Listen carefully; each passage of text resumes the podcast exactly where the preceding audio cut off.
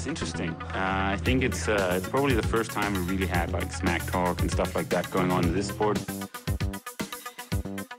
He's definitely been more successful here I mean, in, in Hawaii. But I've beaten him up many times, and he knows that when all the people aren't around him patting him on the back and he looks at himself in the mirror at night when there's no one else, he knows I'm the real deal.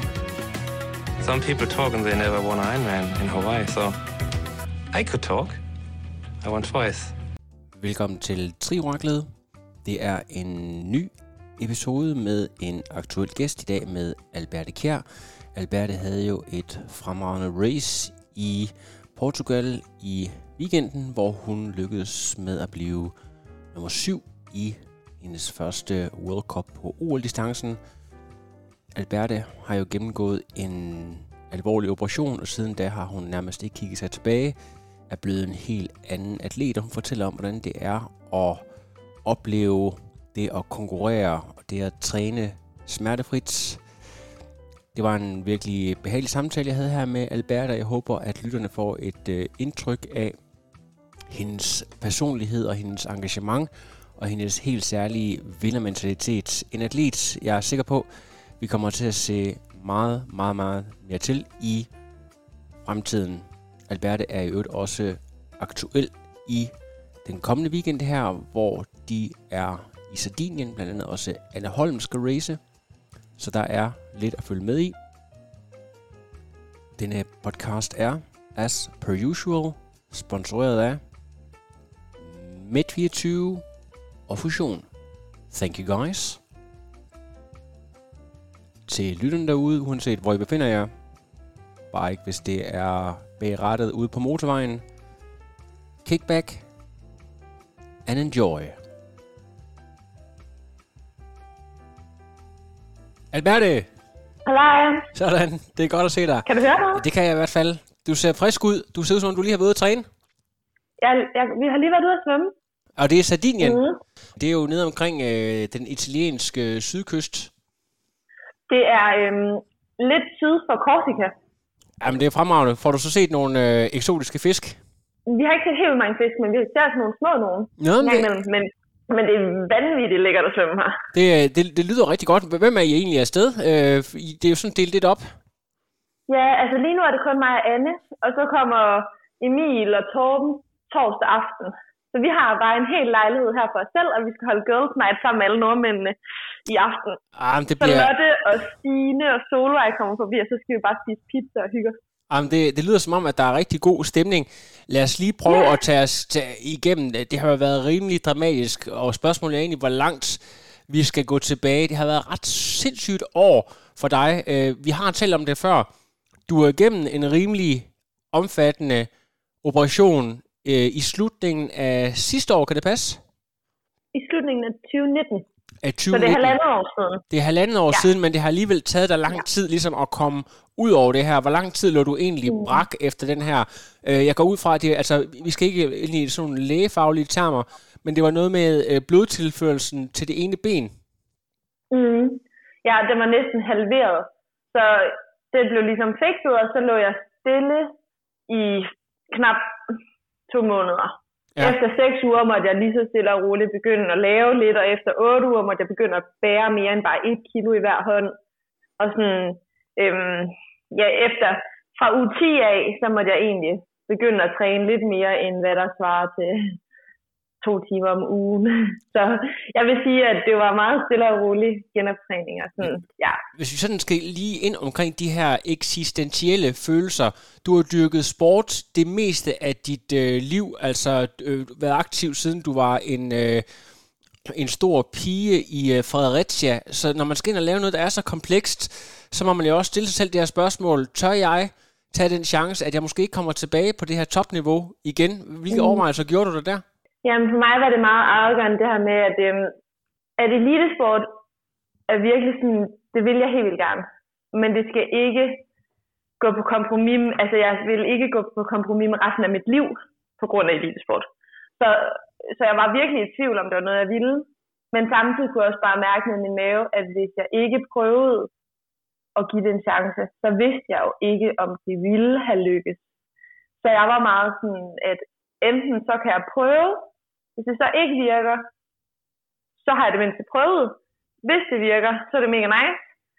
Og hvis jeg så ikke prøvede at gøre det, så kunne det jo være, at jeg fortrød, at jeg ikke havde prøvet at give det et skud. Lige nøjagtigt. Øh, når, man så, øh, når du så kommer tilbage fra øh, den her operation og finder ud af, sådan, de værste gener er væk, hvor lang tid går der så, inden du opdager, hey, når jeg rent faktisk får pumpet 100% blod rundt, i stedet for kun øh, 50%, så kan jeg rent faktisk gøre nogle helt utrolige ting med min krop. Hvornår begynder du at opdage den her utrolige forskel, da din øh, krop rent faktisk fungerer, som den skal? Øh, jeg tror, det var sidste sommer, hvor jeg begyndte at løbe lidt baneløb. Der var jeg sådan, der gik det ligesom op for mig, okay, altså jeg havde løbet 30-35 km om ugen, intervaller en gang om ugen, og så kunne jeg lige pludselig bare løbe under 16 minutter på en femmer. Og der var det sådan, okay, what?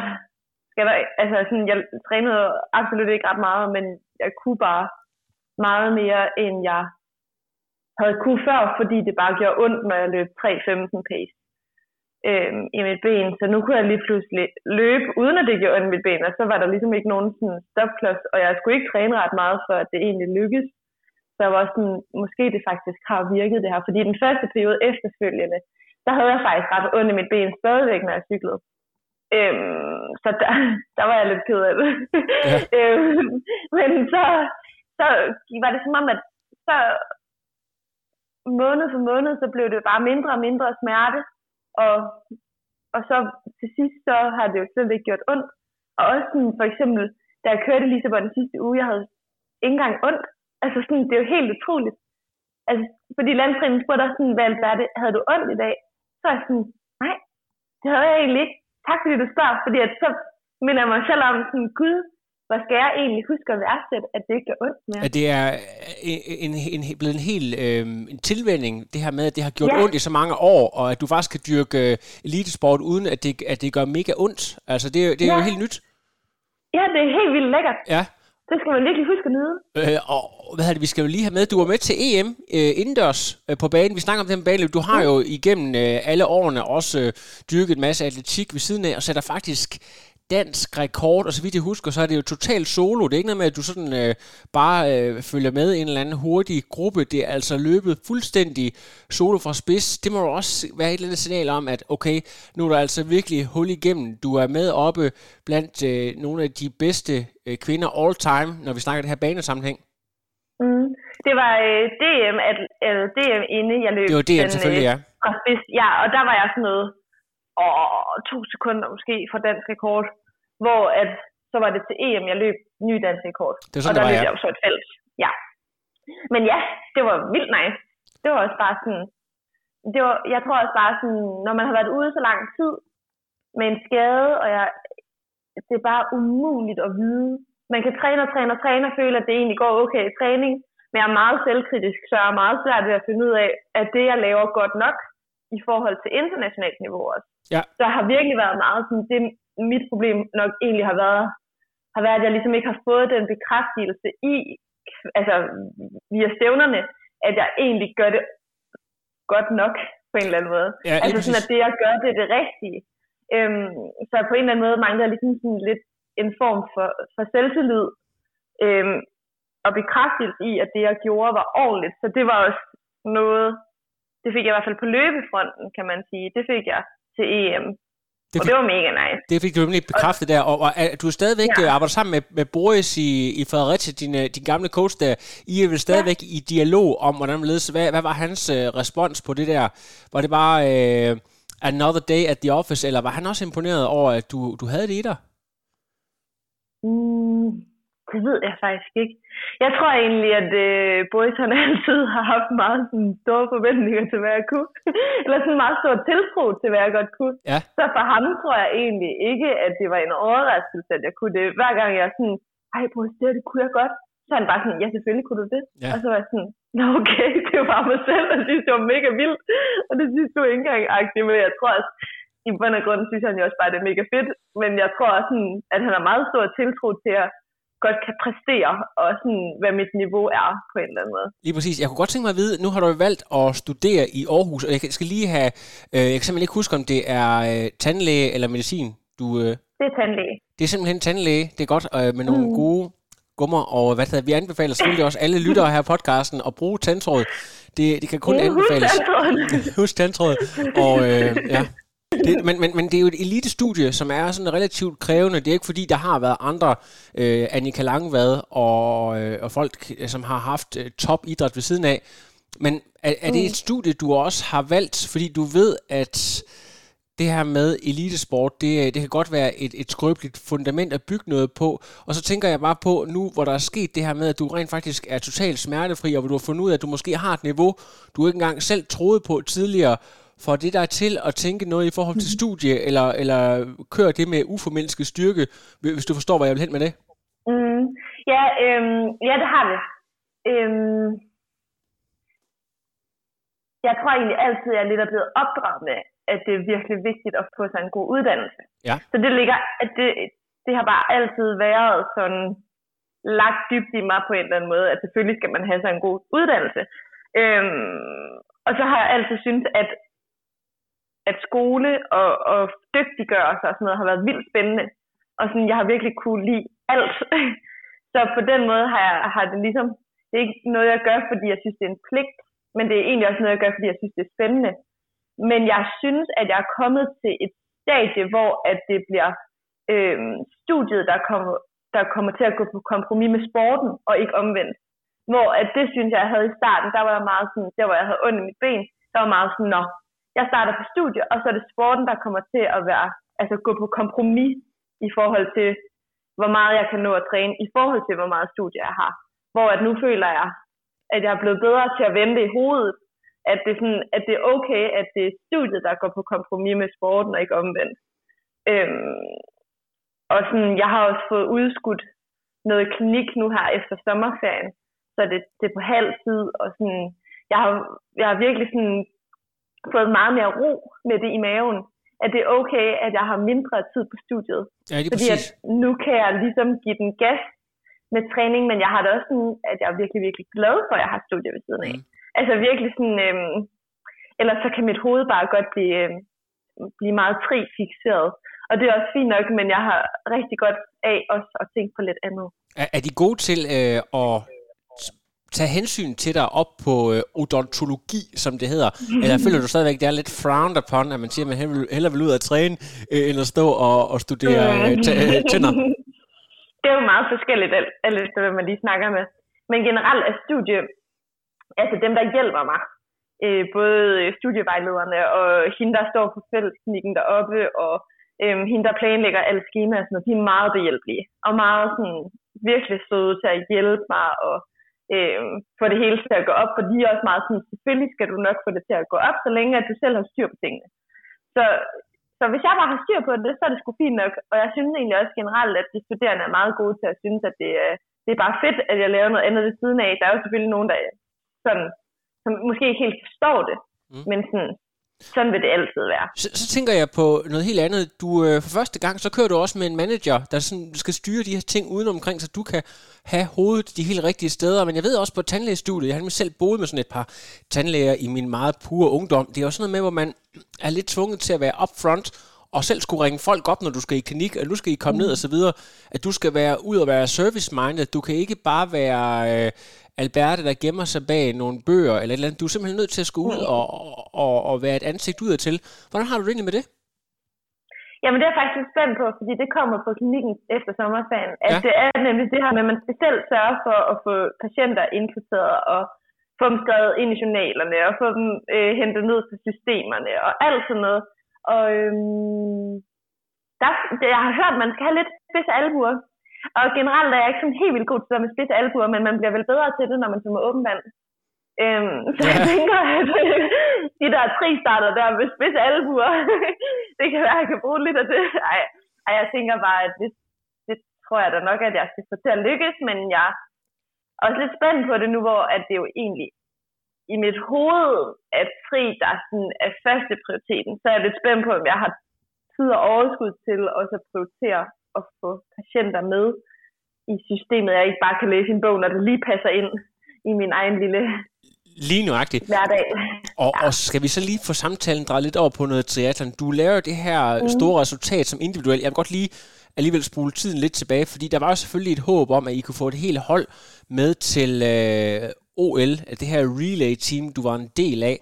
Øhm, det så mm. jo rigtig, rigtig lovende ud indtil Henrik Clemmensen, han har et øh, uheld, hvor han glider, og jeg ved, at I har tærpet de her øh, detaljer, alle mulige ting. Kan du ikke lige prøve at tage os igennem den her grundige forberedelse? Hvad er det for nogle ting, I har gennemgået ned til mindste detalje? Jeg forestiller mig, at det er lige dit game, det her med at være mm. ekstremt velforberedt. Prøv, altså, hvad var optakten og, og følelsen efterfølgende?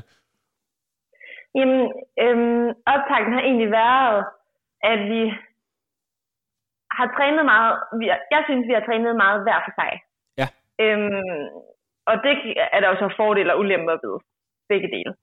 Øhm, men så havde vi ligesom en samling på Stævns for et par uger siden, hvor vi ligesom fik trænet rigtig meget teknik på cykel og helt vildt meget øhm, skiftetræne det her med, okay, men er det en elastik, man skal i hver sko, eller skal man have to elastikker i hver sko, hvor meget skal vi have klippet cykelskoene op, for at man kan komme hurtigt i med fødderne, hvor meget babypuder skal man have i, og skal man bruge vaseline, og du ved sådan, alle de her sådan små detaljer.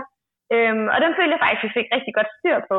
Og også det her med at øve lige at få våddragten hurtigt af, og sådan skal vi lige have klippet benene til, og sådan alle sådan de der mikro små ting, der egentlig er med til at gøre, om du når med på cyklen, eller du kommer til at skifte hurtigere i T2, eller sådan. Øhm, dem føler jeg faktisk virkelig, at vi har fået styr på. Øhm, så jeg synes faktisk, at vi var ret klar der fredag. Og så går det jo også helt vildt godt. Øhm, du, har, du afleverer din, øh, som, som nummer et, ikke? Altså, du afleverer holdet. Øh, du, du er den første, der kører ud, så vidt jeg lige kan huske, og, mm. og, og, og får holdet sendt afsted i en førerposition. Og det er jo selvfølgelig dejligt nok, men, men altså, hvordan, det der med, at man skal stå og vente tre runder mere, inden det bliver afgjort, det må være fuldstændig ulideligt, altså. Ja, Jamen, vi, det er virkelig ulideligt. vi havde også godt snakket om det her med, sådan, okay, men der er intet, der er afgjort, før den sidste er kommet i mål. Og nærmest 20 meter på den anden side af målstregen, fordi at altså better safe than sorry-agtigt. Men øh, der kan bare ske så meget på én triathlon. Og når det så er fire triathloner, der skal sættes sammen, så kan det jo ske fire gange så meget. Så det var bare sådan, jeg vidste, at jeg havde, jeg var virkelig glad for, at jeg havde givet de andre de bedste forudsætninger for at lykkes. Men jeg vidste også godt, at der var ikke noget, der var givet bare på grund af det. Så det var mega nervepirrende, og der kan jo ske ting hele tiden. Så det var virkelig bare med at have hovedet med. Øhm, og så kan man jo bare være uheldig. Og jeg tror ikke, der var nogen af os, der havde tænkt over, at den der dismount line, den godt kunne være lidt glat, når man løb ind i, ind i skiftezonen med våde fødder. Fordi at alt andet er jo ikke glat. Det er jo blue carpet, det hele, og det er jo sådan almindelig gulvtæppe. Og så ligger det ligesom sådan en rød dismount line. Øhm, men den er lavet af plastik, så når man træder på den, kan man ligesom godt glide. Og det var jo det, der skete for Klemme, og det var, det var jo bare sådan, det var. Der var jo faktisk rigtig mange, der styrtede generelt og væltede og ikke kunne få våddrægt af. Og sådan, ja, der var vi bare uheldige. Men det var jo det, vi godt vidste kunne ske. Lige, lige præcis, men jeg er jo heldigvis en, en flok af relativt unge atleter, som har en del øh, olympiske sy- øh, cykluser i jer endnu. Så hvordan det der med at få indstillet, okay, det bliver altså ikke, øh, i hvert fald for jeres holds vedkommende, OL i den her omgang, øh, det der med at indstille sig på det, og så samtidig med, at man har en konkurrence lige dagen efter. Hvad går der mm. gennem hovedet i timerne efter, at det bliver øh, en kendt skærning, at det altså ikke bliver OL til jer den her gang? Øhm, jeg tror på forhånd, der havde jeg i hvert fald... Øh, jeg er meget sådan... Øh, jeg vil helst ikke forvente det, at vi kvældede, for eksempel. Jeg vil gerne håbe, at vi kvældede, og jeg vil gøre alt, hvad jeg kunne, for at, vi, at jeg havde gjort min del, for at vi skulle kunne kvalde til OL. Men jeg har absolut ikke forventet det. Så for, fordi at, så kunne jeg kun blive positivt overrasket. Så øhm, for mig, fordi at det havde været et håb, så, så var det på en eller anden måde, altså vi alle gjorde, hvad vi kunne, at det så ikke lykkedes, det var så mega ærgerligt. og så går verden ligesom også videre på en Ja. eller anden måde. Ja. Altså sådan, jeg tror, jeg er meget, sådan, meget realistisk på den front, eller sådan meget sådan, at det er også det gode ved at have studier ved siden af, for eksempel. Ja. Eller sådan, ja, at der ligesom også er noget andet i livet end bare triathlon. Og det lyder lidt hårdt, for jeg ved, der er mange, der godt kan lide triathlon. Du skal ikke ud og, og finde en anden måde at tjene husleje på og sådan nogle ting. Det er ikke dit Nej. liv, der afhænger af. Det, det synes jeg er en rigtig... Jeg skal lige høre, hvor- gammel er det, du er nu, Albert? Bare i forhold til, så folk de skal sætte ting i relief. Øh, 22. Du er så jeg 22 år, ja, Heller så- ikke sådan. Så, så stadigvæk, så, så er der øh, gode år i dig endnu i olympisk sammenhæng, men mm. vi skal simpelthen lige tale om, om det, det sådan virkelig handler om, det som er det rigtig imponerende. Det er jo første gang, du kører en, øh, en OL-distance faktisk. Er det egentlig også lidt mærkeligt, at, det- at det, øh, det er første gang for dig, du har været i gang i en del år? Hvordan kan det egentlig være? Er det for, bare fordi, det, det mest er lagt over mm. til sprint, eller en, en tilfældighed, fordi du har været skadet, eller hvad, hvad skyldes det egentlig? Ja, jeg tror faktisk, det har været lidt en blanding af mange ting. Både at jeg har været skadet der og skulle operere, så det var nok lige de år, hvor man godt kunne prøve at køre en OL-distance. Øhm, og så har Boris bare altid været god til, sådan, at man ikke skulle skynde sig. Altså sådan, hvorfor skulle man skynde sig at nå at køre en OL-distance, når man er 18-19 år gammel? Altså sådan, det, det har der ikke været nogen grund til det, jeg har masser af år endnu, jeg kunne da sagtens nå at køre en OL-distance, og så ville jeg måske også få en bedre oplevelse med det første gang, kontra hvis jeg var meget yngre. Øhm, og jeg har heller aldrig, øhm, jeg er jo nok en af de atleter, der ikke træner sådan fuldstændig røven ud af bukserne hele tiden. Øhm, jeg træner, og jeg træner alt det, jeg skal, men det har aldrig været for meget træning på en eller anden måde. Altså sådan, og det har måske også vist, altså gjort så tydeligt ved, at den eneste skade, jeg ligesom har haft, har ligesom været det der med låret, øhm, hvor der ikke kom nok blod ned, og det var ligesom ikke noget, jeg selv kunne gøre for på en eller anden måde. Så resten af tiden har jo egentlig aldrig rigtig været skadet. Øhm, så det har været meget sådan aldersrelateret træning, og jeg tror også bare, det har været meget aldersrelateret konkurrencedistancer. Altså sådan, ja. Men har, Så det har nok bare været Har det også, ja. altså det er jo rigtig, rigtig fornuftigt, det her Boris' mantra med, at om man vil være god lige nu, eller god, når man bliver ældre, og mm. hele det her med festina lente, altså skynd dig langsomt, som man siger, det er sådan et, øh, Ja. et, et, et mundheld. Det, det, det giver jo rigtig god mening nu her, men, men kan der også være et eller andet i det der med, at du så bliver super overrasket, når du så rent faktisk bliver matchet med nogen på din egen alder, og finder ud af, hvor hammer god du rent faktisk er, fordi vi kan jo godt øh, lave en lille øh, disclaimer her, altså, du bliver rent faktisk nummer syv, og det er ikke bare øh, folk fra øh, ukendte navne fra tidligere Østlande, og øh, folk, man aldrig har hørt om, det er top, top navne. Du placerer dig som nummer syv i blandt her, og du står og kigger på det resultat. Altså, det er jo, det er jo, det er jo nogle af alle favoritterne til, øh, til OL. Du ligger kilet ind imellem her, og slår endda også nogle af dem. Hvad får det der til umiddelbart til at tænke på, altså? Det må jo være, det må jo være helt vanvittigt. Ja, jamen det er rigtigt. Jeg tror også, at sådan udefra, at for eksempel du er også god til sådan lige at sætte det sådan i perspektiv for mig. Fordi at jeg, jeg, jeg vil bare altid gerne vinde. så at blive nummer syv er jo virkelig godt, og jeg skal huske at stoppe op og nyde det. Og sådan kigge på det og tænke, hold nu kæft, hvor er det godt. Jeg har bare et eller andet oppe i mit hoved, der bare siger, at jeg, skal, jeg vil bare gerne vinde. Og det sådan, er jo noget, der kan være med til at drive en, men det er også noget, der godt kan være lidt en hemmesko nogle gange. Det der med, at man måske ikke nyder processen så meget. Og de små mål, der ligesom kommer i hus på vejen dertil. Øhm, så det er rigtig godt, du siger det til mig, fordi Men- det er jo men- mega stort. At, har du sådan et hoved, der siger, at hvis du kan se, at Nicola Spirik, som er, har kørt fire olympiske cirkler, hun er godt nok øh, 8-39 år gammel, men altså hendes øh, CV er jo gigantisk, så, så tænker du ikke, øh, huh, jeg blev nummer syv, du tænker, pokker så også, jeg ikke vandt. Det er simpelthen sådan, du opererer. ja, det er virkelig op ad bakke. Jeg ved godt se, så bliver det- så bliver det så- er mit hoved bare. Det synes jeg, det, det, er jo, det, er jo, altså, det forklarer jo også et eller andet om, hvorfor du formentlig er så god, som du er. Du har sådan et, et vinderinstinkt, der ikke kigger øh, så meget på, hvor folk, de, øh, om de træner i Leeds eller i, øh, i amerikansk elitecenter, men at du simpelthen bare vil, vil vinde øh, at all costs, det synes jeg er jo helt fantastisk. Skal vi ikke lige prøve at, at gennemgå konkurrencen? Hvordan, hvad, hvordan udvikler det sig? Jo, altså, øhm, mm, jeg tror også, at der var mange ting, der udviklede sig lidt til min fordel. Øhm, og sådan skal det jo lidt være. Jeg kan godt lide strandstart. Det var med strandstart. Øh, jeg kan godt lide bølger. Der var bølger. Øhm, og målet var ligesom at komme op i T2 nogle sekunder før Nicole Styrk, og det gjorde jeg. Fordi at hun cykler ret hurtigt, så kunne jeg komme på hjul af hende. Øhm, og det fanger jeg også ret hurtigt, det hjul. Øhm, og så er hun ligesom, altså hun prøver ikke engang at få os andre til at hjælpe i gruppen eller noget. Hun kører bare.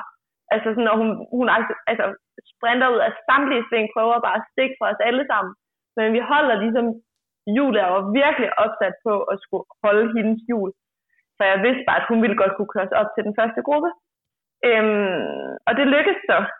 Og så kommer vi ligesom ind i C2, og så var jeg sådan, okay Alberte, nu skal du virkelig have koldt vand i blodet. Fordi at, øh, man kan nå at gå kold rigtig mange gange på sådan 10 km overfbike, tænkte jeg. og, øh, og det gik faktisk okay, synes jeg. Sådan, jeg er lidt spændt på, jeg, eller jeg er ret sikker på, at desto ældre jeg bliver, desto bedre bliver jeg også til at løbe overfbike. Så sådan, jeg føler tit, at mit løbeniveau, sådan solo løbeniveau, er bedre, end hvad mit off-bike løbeniveau er. Men jeg er også sådan ret overbevist om, at det kommer. Altså sådan, det kommer, desto mere udholdende jeg bliver, og desto ældre jeg bliver. Ja, lad, lad os lige få Men, tal på bordet. 35, øh, hvad løber du off-bike på? 35-12, 35-12, ikke? Og lad os sige, den, nogle af de hurtigste, de løber 33, et eller andet midten i 33, ikke? 50. 33-50, ikke? Så lad, lad os bare sige, der ja. måske er halvandet minut, eller sådan noget. Undskyld, mm. jeg, jeg klipper lige det her ud. halvandet minut, halvandet minut op til uh, de allerbedste. Det er, jo, det er jo til at overse. Det er jo selvfølgelig altså også folk, der har en 10-15 øh, års mere træning i kroppen, end du mm. har. Altså kan du gå ind på nuværende tidspunkt og sige, Udover den her udholdenhed, der nok kommer med tiden, du er fortrøstningsfuld, er der andre steder, hvor du føler, at du skal arbejde øhm, for at, at være med blandt de, de mm. tre første, for eksempel? Ja, altså jeg skal jo stadigvæk blive bedre til at svømme. Altså sådan, jeg ligger jo fint, at jeg ligger i den, i den øverste halvdel af feltet, så det er jo ikke fordi, at jeg ikke kan finde ud af at svømme. Men der er bare så mange, der svømmer sindssygt hurtigt. Øh, sådan umenneskeligt hurtigt, føler jeg. Jeg har altid syntes, at jeg forstår ikke, hvordan de skal svømme så hurtigt. Men det gør de bare. Så det kan jeg vel også godt på et tidspunkt. Så jeg skal i hvert fald blive bedre til at svømme. Og jeg vil også gerne blive bedre til at cykle. Jeg vil også gerne blive bedre til at løbe. Og jeg vil også gerne bare blive bedre til at køre stævner.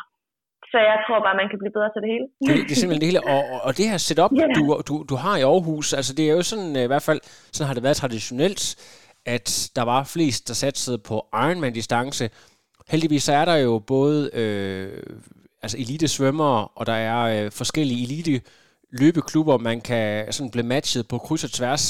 Altså føler du får den sparring, du skal have, også hvis du sådan kigger de næste halvanden, to år ud i fremtiden, at du bliver ved med at kunne blive matchet med folk, der, der kan presse dig i den daglige træning i Aarhus? Jamen, jeg tror, at det er det gode ved at være pige. At der vil jo altid være nogle drenge, man kan køre med. Ja. Altså svømme med, løbe med, cykle med. Øhm, og, og det synes jeg også er vildt dejligt fordi at så har jeg ikke noget i mit hoved, hvor jeg siger, at jeg gerne vil vinde over de andre piger. Eller sådan, du ved, det der med sådan, at, at hvis jeg nu var i en trænings, et træningssquat, der boede i øh, USA, og vi var, øh, det var 10 piger fra top 30 på verdensranglisten, eller et eller andet, der trænede der, så tror jeg måske, at, at det vil på en eller anden måde blive lidt hårdt at træne det miljø, fordi man hele tiden kan sammenligne sig med de andre. Hvor at når jeg træner i Aarhus, så kan jeg jo træne både med piger og drenge, og det vil jo være, oftest er det jo bare drengene, der presser mig mest. Og den, men dem skal jeg jo aldrig konkurrere imod. Så på en eller anden måde tror jeg, at det sådan, det gør mig ikke noget, og jeg synes egentlig også bare, at det er lidt dejligt, at sådan, så er der nogle træninger, jeg kan træne sammen med dem, og så er der også nogle andre træninger, hvor jeg kan træne med pigerne, og der er nogle træninger, hvor jeg kan træne lidt selv. Og sådan, jeg kan godt lide, at der er lidt af alle, alle dele. Kender du dig selv godt nok til at vide, at hvis, hvis lad os sige, at der var øh, to eller tre piger, der var omtrent lige så dygtige som dig selv, øh, så vil du føle det som et nederlag, eller du vil føle, at du havde en dårlig dag, hvis det var, at øh, du regelmæssigt fik, øh, fik klask i, øh, i, i bassinet og, og på intervalløb af, af dem. Øh, mm. det, det vil påvirke dig negativt, tror du det? Jeg tror i hvert fald, at jeg skulle lære jeg skulle, jeg skulle lære at vende mig til det, hvis det var. Øhm, jeg tror, at lige som det var nu, så tror jeg, at jeg synes, at det var lidt hårdt faktisk. Øhm, fordi det aldrig har været sådan. Men hvis det nu blev en realitet, at vi var 3-4 piger på præcis samme niveau, så tror jeg, at jeg i starten ville skulle vende mig til det, men jeg tror måske også, at det vil, med tiden vil jeg jo nok også udvikle mig på, på den baggrund. Øhm, hvis man, altså hvis jeg stadigvæk havde kunne øh, være i det. Og sådan det der med, at det er jo ikke, man kan jo aldrig, man vind, kan jo aldrig vinde en træning. Man kan jo kun vinde konkurrencerne. Og den, der er bedst i træning, er jo, det får man jo ikke nogen medalje for. Det er jo kun dem, der vinder, der får medaljer til Lige præcis. konkurrencerne. Ja. Så sådan, det tror jeg måske godt, jeg kunne lære, men det var ikke noget, jeg sådan, synes. Det, ikke, det ville ikke være alfa og omega for mig. Hvis man skal lave opskriften på, hvorfor vi lige pludselig har en Alberte, der går ind og blander sig i top 10 i sådan et stærkt besat felt. Altså, du kan overhovedet ikke lide at tabe. Du er meget grundig. Du har, er blevet skolet gennem mange år af, af dygtige trænere, der har set et, et langtidsperspektiv øh, på dig. Øhm, gode gener. Nu ved jeg ikke, om nogle af dine forældre de, øh, de har dykket sport, men der må jo være et eller andet godt genetisk. Er der nogle andre parametre, eller sådan andre, hvad kan man sige, en, en secret til at forstå den succes, du oplever lige nu? Altså du har også, øh, altså det kan man jo høre på podcasten, du har også et godt humør. Altså du spreder øh, humør der, hvor du kommer frem. Mm, og tak. Øhm, ja, jeg tror sådan, jeg tror, at det, der du sagde, det er meget sådan spot on.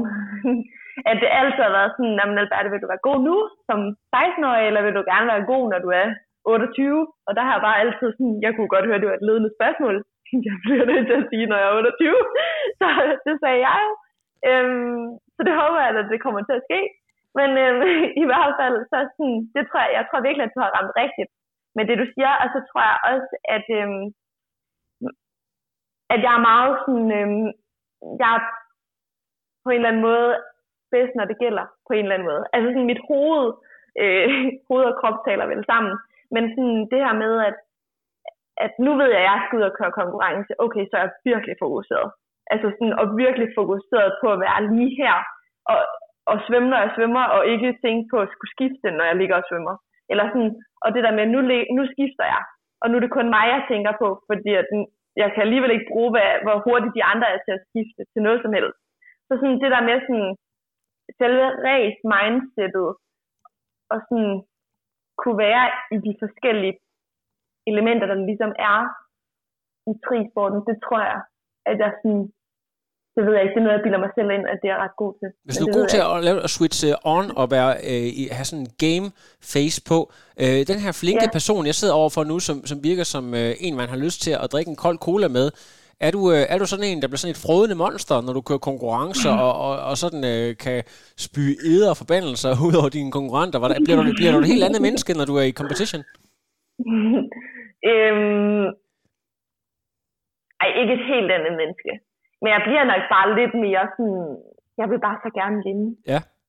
Altså sådan, jeg vil gøre alt, hvad jeg kan, og jeg kan godt blive lidt sådan, jeg tror godt, jeg kan blive lidt sådan ej, faktisk. Mm. Men det har min mor også altid sagt, at jeg var et ejet lille pige, da ja, jeg var lille. En ej pige, men, men gælder det så også, hvis ja, du skal spille, øh, skal spille Ludo mod, øh, mod Christian, eller, eller hvis nu du skulle til øh, eksamen, at du vil vinde ikke bare ja. inden for sport, men inden for alt, altså? Ja, det er jo det, der har været et problem. Det er også derfor, jeg har sygt svært ved, øh, da jeg startede på uni, at jeg sådan skulle have 0, 2 og 4 hvad fanden, jeg har sgu da kæmpet for det her, hvordan kan jeg kun få 0, 2 og 4 i de her eksamener? Og så, så var det sådan, så fandt jeg ligesom en måde, hvorpå jeg kunne læse på en anden måde, og så fik jeg ligesom bedre karakter. Men det der med sådan, og lige pludselig ikke at være den bedste, sådan, i skolen heller. Og sådan, ja, det har jeg aldrig været god til. Også hvis Christian nu vinder over mig, hvis vi spiller spil en aften, det er heller ikke, det, det bliver heller aldrig en god aften. men, men jeg prøver at arbejde med, at jeg er okay. Jeg, jeg kunne være en dårligere taber, end jeg er, tror jeg. Det, jeg sådan, det, det synes jeg er fedt. Ud, jeg udstråler en bedre taber, end jeg er indvendig, tror jeg. Så hvis vi lige skal slutte af med en lille sjov anekdote, det kan være, du har en, måske har du ikke nogen. Hvad er det mest ekstreme, du kan huske, du har gjort for at øh, komme der over et forsmedeligt nederlag i øh, Monopoly eller, eller et andet spil? Har du lavet et eller andet helt vanvittigt? Uh, det er sådan noget, du kan spørge Emil Holm om. Jeg, det, det kan jeg ikke svare på. jeg tror, jeg er meget fair play, faktisk. Nå, okay. Jeg, jeg snyder ikke med resultatet. Men, men, men det kunne jo så også godt være, at øh, man har set sådan nogle øh, fra amerikanske film, der vil det typisk være sådan, at hvis man taber i et eller andet øh, skoleløb eller sådan noget, så stod man op klokken 5 om morgenen og gik ud og lavede en eller anden form for straftræning, eller gik uh. ud i Mercedes-gården og, og brølede og gjorde et eller andet og sådan noget. Revenge! Ja. Så, så, sådan, nogle, sådan nogle øjeblikker har der måske ikke rigtig været, eller hvad? Nej. Nej. Det, det har jeg ikke. Det, det er fedt. Jamen, Jeg synes simpelthen, jeg synes jeg også, lytterne her har fået et rigtig godt indblik i, hvem du er, og jeg synes i hvert fald, det er fantastisk at, at være med til at formidle, at de her top 10, top 7, når du ser på så stærke felter der, det er altså helt vanvittigt, og altså, jeg kan ikke, det må jo så nærmest være Rasmus Henning, der er den seneste, der, der har leveret øh, resultater øh, af den kaliber, så det kan du bestemt være rigtig stolt af, øh, og det, det er jo bare begyndelsen altså. Det håber jeg. Det håber jeg også. Og i morgen, nej, hvornår er det, det er Sardinien? Det er øh, på lørdag? På lørdag. Ja, og øh, hvad, kan du lige, bare en lille mini-optakt her, det er også på O, eller er det sprint? Det er sprintdistancen, og hernede i Sardinien, der er der jo en øh, ret hæftig bakke, eller bjerg, vil man jo sige, når man kommer fra Danmark af, øhm, på runden, som vi skal op over tre gange til cyklen. Og så er løberuten også øh, forholdsvis meget kuperet. Ja, så du tror, Så det tænker du, at det bliver, øh, det falder til de, eller tror du, den ligger til dig, eller øh, havde du hellere set, at det var en lidt mere tilforladelig øh, øh, ruteprofil? Øh, jeg synes, det er fedt nok. Altså sådan, jeg synes egentlig, at, øh, at nogle gange kan fri konkurrencerne, altså ruterne, godt blive rigtig kedelige. Så det der med, at der sådan sker noget andet, og det er sådan, ja, det er sgu fedt. Jeg er lidt spændt på nedkørsel, men det er mere fordi, at Oscar Glatten styrtede jo på den sidste år. Og han er altså en god cykelrytter. Så jeg er lige sådan, åh, man skal lige holde tungen lige i munden. Men ellers, så er det kanon.